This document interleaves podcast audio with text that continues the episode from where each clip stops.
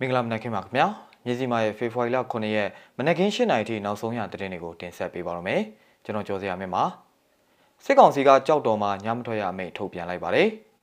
မုံရမှာတော့စစ်ကောင်စီတပ်သား2ဦးကိုဒေသကာကွယ်တပ်ဖွဲ့ကရှင်းလင်းလိုက်ပါတယ်ရန်ကုန်မြို့တောင်ကုန်းရင်ကျင်းမှုတက္ကသိုလ်အနီးမှာမနေ့ကညပိုင်းကဘုံပေါက်ကွဲမှုတစ်ခုဖြစ်ပွားခဲ့ပါတယ်အဆရှိတဲ့သတင်းတွေပြင်ဒီကနေ့မနက်7:00နာရီထိနောက်ဆုံးရသတင်းတွေကိုတင်ဆက်ပေးပါရမယ်ခင်ဗျာ စစ်ကောင်စီကကြောက်တော်မှာညမထွက်ရမိန့်ထုတ်ပြန်လိုက်တဲ့သတင်းနဲ့စလိုက်ရအောင်ပါ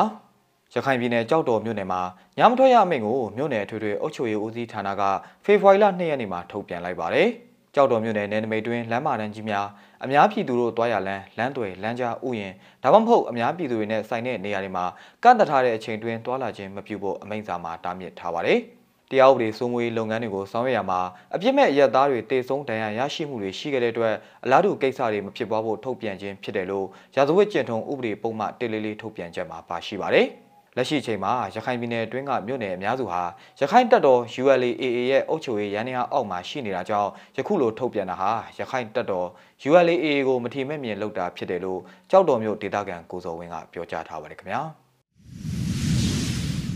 ဇီဝိဒဒါနတန်ခဆေးရုံကြီးမှာ COVID-19 ရောဂါပိုးတွေ့ရှိတာကြောင့်အသွာလာကန့်တက်တဲ့သတင်းနဲ့ဆက်ချင်ပါတယ်။ရန်ကုန်ဗဟန်းမြို့နယ်ကိုမင်းကိုချင်းလမ်းမှာရှိတဲ့ဇီဝိဒဒါနတန်ခဆေးရုံကြီးမှာ COVID-19 ရောဂါပိုးတွေ့ရှိတာကြောင့်ဖေဖော်ဝါရီလ9ရက်နေ့ကစတင်ပြီးအသွာလာကန့်တက်ထားပါတယ်။ လော်ဒေါင်းချထားတာကဟုတ်ပါတယ်။ဒါပေမဲ့တိုင်းကျပ်မာရေးကိုတေချာမေးရင်တော့အတိအကျသိနိုင်ပါလိမ့်မယ်။ကျွန်တော်တို့ကစီမံရုံးဘက်ကဆိုတော့သိမသိဘူး။ဆေးဘက်ဆိုင်ရာကအကုန်သိပါလိမ့်မယ်လို့ဇီဝိဒဒါနတန်ခဆေးရုံကြီးစီမံဌာနတာဝန်ရှိသူတူကပြောပါတယ်။ဇီဝိဒဒါနဆေးရုံကြီးမှာဆေးရုံဝန်ထမ်းတွေဆေးကူတာမှုခံယူနေရတဲ့တာရဏနယ်ဝန်တွေတန်ဃာတော်တွေနဲ့တီလာရှင်စုစုပေါင်း200ကျော်ရှိတဲ့အနက်ပိုးတွေ့လူနာ40ကျော်ရှိနေတာဖြစ်ပါတယ်။ စစ်ကောင်စီလက်အောက်ခံကျန်းမာရေးဝန်ကြီးဌာနရဲ့ဖေဖော်ဝါရီလ9ရက်ည8နာရီထုတ်ပြန်ချက်တွေအရ COVID-19 အတည်ပြုလူနာ346ဦးတွေ့ရှိထားတယ်လို့သိရပါတယ်ခင်ဗျာ။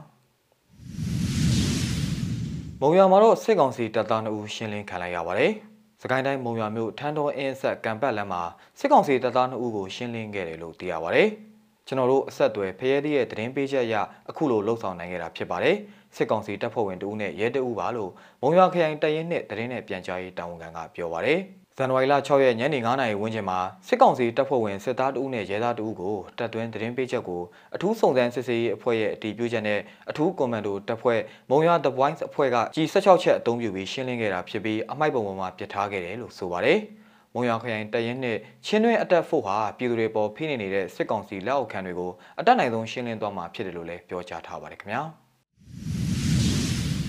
ရန်ကုန်မြို့တောင်တကုံရင်ကျင်းမှုတက္ကသိုလ်အနီးမှာမနေ့ကညပိုင်းကဘုံပေါက်ကွဲမှုတစ်ခုဖြစ်ပွားခဲ့ပါတယ်။ရန်ကုန်တိုင်းတောင်တကုံမြို့နယ်အမျိုးသားရင်ကျင်းမှုနဲ့အမှုပညာတက္ကသိုလ်အနီးမှာဖေဖော်ဝါရီလ6ရက်ည9:00မိနစ်20ခန်းကဘုံပေါက်ကွဲမှုဖြစ်ပွားခဲ့တယ်လို့ဒေသခံတွေကပြောပါတယ်။ အတန်ကတော့ကိုယ့်အိမ်မော်ကိုကြားလာတယ်လို့ကြားရတာအိမ်မှာတုံသွားတယ်။ဘုံပေါက်တန်တွေကြားဘူးသမျှတွေမှာအခုတစ်ခေါက်ကတော့အတန်အကျယ်ဆုံးကြားဘူးလားလို့ဒေသခံတို့ကပြောပါတယ်။ပြီးခဲ့တဲ့ဖေဖော်ဝါရီလ2ရက်နေ့ကလည်းအမျိုးသားယဉ်ကျေးမှုနဲ့လူပညာတက္ကသိုလ်ကိုတနက်နဲ့လာရောက်ပြစ်ခတ်မှုဖြစ်ပွားခဲ့ပြီးလူထိခိုက်မှုမရှိခဲ့ကြောင်းနဲ့မပေါက်ကွဲသေးတဲ့ဘုံတလုံးရှာဖွေတွေ့ရှိခဲ့တယ်လို့သတင်းရင်းမြစ်တူကပြောပါတယ်။လက်ရှိအမျိုးသားယဉ်ကျေးမှုနဲ့လူပညာတက္ကသိုလ်ရန်ကုန်မှာတက်ရောက်သူတွေဟာကျောင်းရှိလူစင်းအချက်လက်တွေကိုထုတ်ဖော်ပြောဆိုခြင်းမပြုဖို့ခံဝန်လက်မှတ်ထိုးထားရတယ်လို့လည်းသိရပါတယ်ခင်ဗျာ။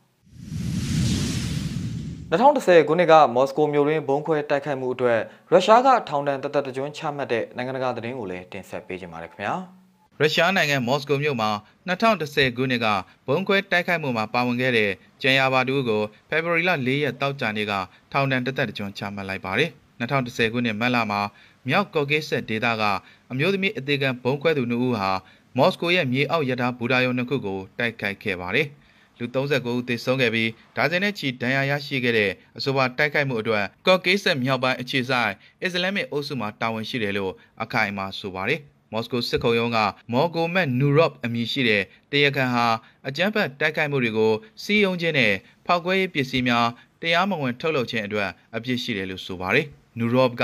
၎င်းရဲ့အပြစ်ကိုညှင်းဆိုလိုက်ပြီးတိုက်ခိုက်မှုမှာပါဝင်ပတ်သက်တဲ့အခြားသူများရဲ့ဖိအားပေးမှုကိုခံခဲ့ရတယ်လို့ခြေပခဲ့ကြောင်းအစိုးရရှေ့နေနာတာလီယာထရော့ကီနာကသတင်းတောက်တွေကိုပြောပြခဲ့ပါတယ်။တိုက်ခိုက်မှုကိုစီစဉ်သူတွေကတော့လွန်ခဲ့တဲ့နှစ်အတန်ကြာကစစ်စင်ရေးတစ်ခုမှာတိတ်ဆုံးခဲ့တယ်လို့ထရော့ကီနာကဆိုပါတယ်။ စစ်ခုံရုံးကနူရော့ကိုထောင်ဒဏ်တစ်သက်တစ်ကြွချမှတ်ခဲ့ပြီးမော်စကိုမြို့တွင်တိုက်ခိုက်မှုအတွက်နစ်နာကြီးအဖြစ်ရူဘယ်18တန်းပေးဆောင်ဖို့အမိန့်ချမှတ်ခဲ့ပါတယ်။တရားခံကို2019ခုနှစ်ကဒါဂီစတန်မှာဖမ်းဆီးခဲ့တာဖြစ်ပြီးသူဟာဘုံခွဲတိုက်ခိုက်မှုကျူးလွန်နေသူတွေကိုရဲတွေမတွေ့အောင်ဝှက်ထားပေးပြီးအချင်းအချက်လုပ်ကူညီပေးခဲ့တယ်လို့စုံစမ်းရေးမှူးတွေကဆိုပါတယ်။ဘူတာယုံရဲ့ခန္ဓာထဲဝါတဲ့ဘိတုကလက်ရာတွေကြောင့်ကြော်ကြားတဲ့မော်စကိုဟာ၎င်းရဲ့တမိုင်းမှာကြီးမားတဲ့တိုက်ခိုက်မှုကြီးတစ်ခုကိုကြုံတွေ့ခဲ့တာဖြစ်ပါတယ်။ 2000ခုနှစ်မှ2010ခုနှစ်အတွင်းရုရှားစစ်တပ်ဟာမွတ်စလင်အများစုနေထိုင်ရာမြောက်ပိုင်းကော်ကိတ်ဆက်ဒေသရှိခွဲထွက်ရေးသမားတွေကိုတိုက်ခိုက်ခဲ့ခြင်းကစပြီးမော်စကိုမြို့ဟာဘုံခွဲတိုက်ခိုက်မှုအများအပြားအလုတ်ခံရတဲ့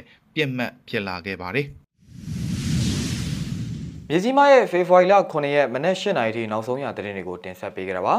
မြန်မာပြည်သူပြည်သားပေါင်းဘေးရန်ရဲ့မြို့မြို့ကနေကင်းဝေးကြပါသည်ခင်ဗျာ